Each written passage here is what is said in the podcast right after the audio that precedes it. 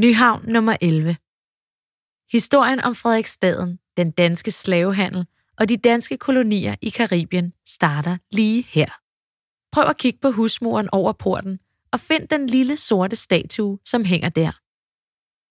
Den lille mand, der står her på facaden af Nyhavn nummer 11, er nøglen til at forstå, hvorfor Danmark begynder at handle med slaver. Manden forestiller en arbejder på en sukkerfabrik, eller et sukkerraffinaderi, som det hed dengang. I den ene hånd har han en sukkertop, og i den anden har han den form, man brugte til at støbe toppen med.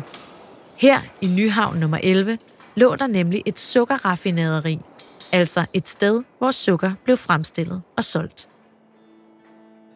I 1600-tallet er sukker helt nyt i Europa, og alle vil gerne have fat i det. Men det er en luksusvare, som er meget dyr. Sukkeret bliver på det her tidspunkt støbt som en sukkertop på sukkerraffinaderiet, som vejer fra 5 til 15 kilo, og den er alt for dyr at købe. Så butikkerne hugger små stykker af, som man kan købe, hvis man altså har råd.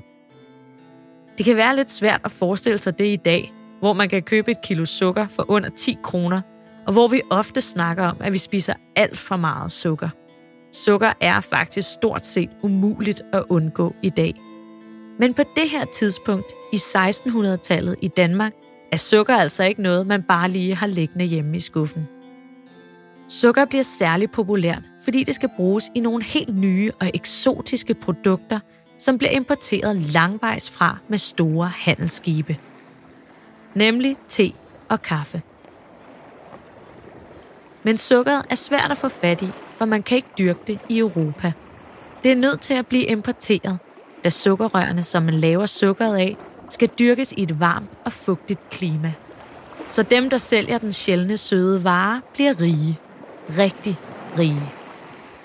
Derfor sender Danmark altså skibet Færø afsted til Karibien og planter det danske flag på den første ø St. Thomas i det, der kommer til at hedde Dansk Vestindien. Nu skal der laves sukker, og der skal tjenes penge.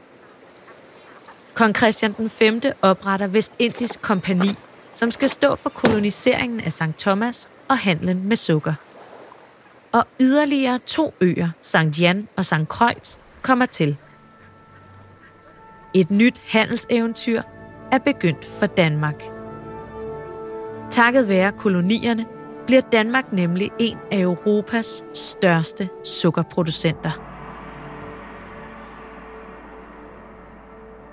Nu skal vi ned til kajen, til det store rødbrune vestindisk pakhus, hvor skibene ankommer efter sejladser på flere måneder med lasten fyldt med hvidt guld.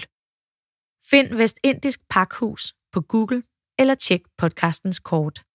Vi mødes ved Vestindisk Pakhus.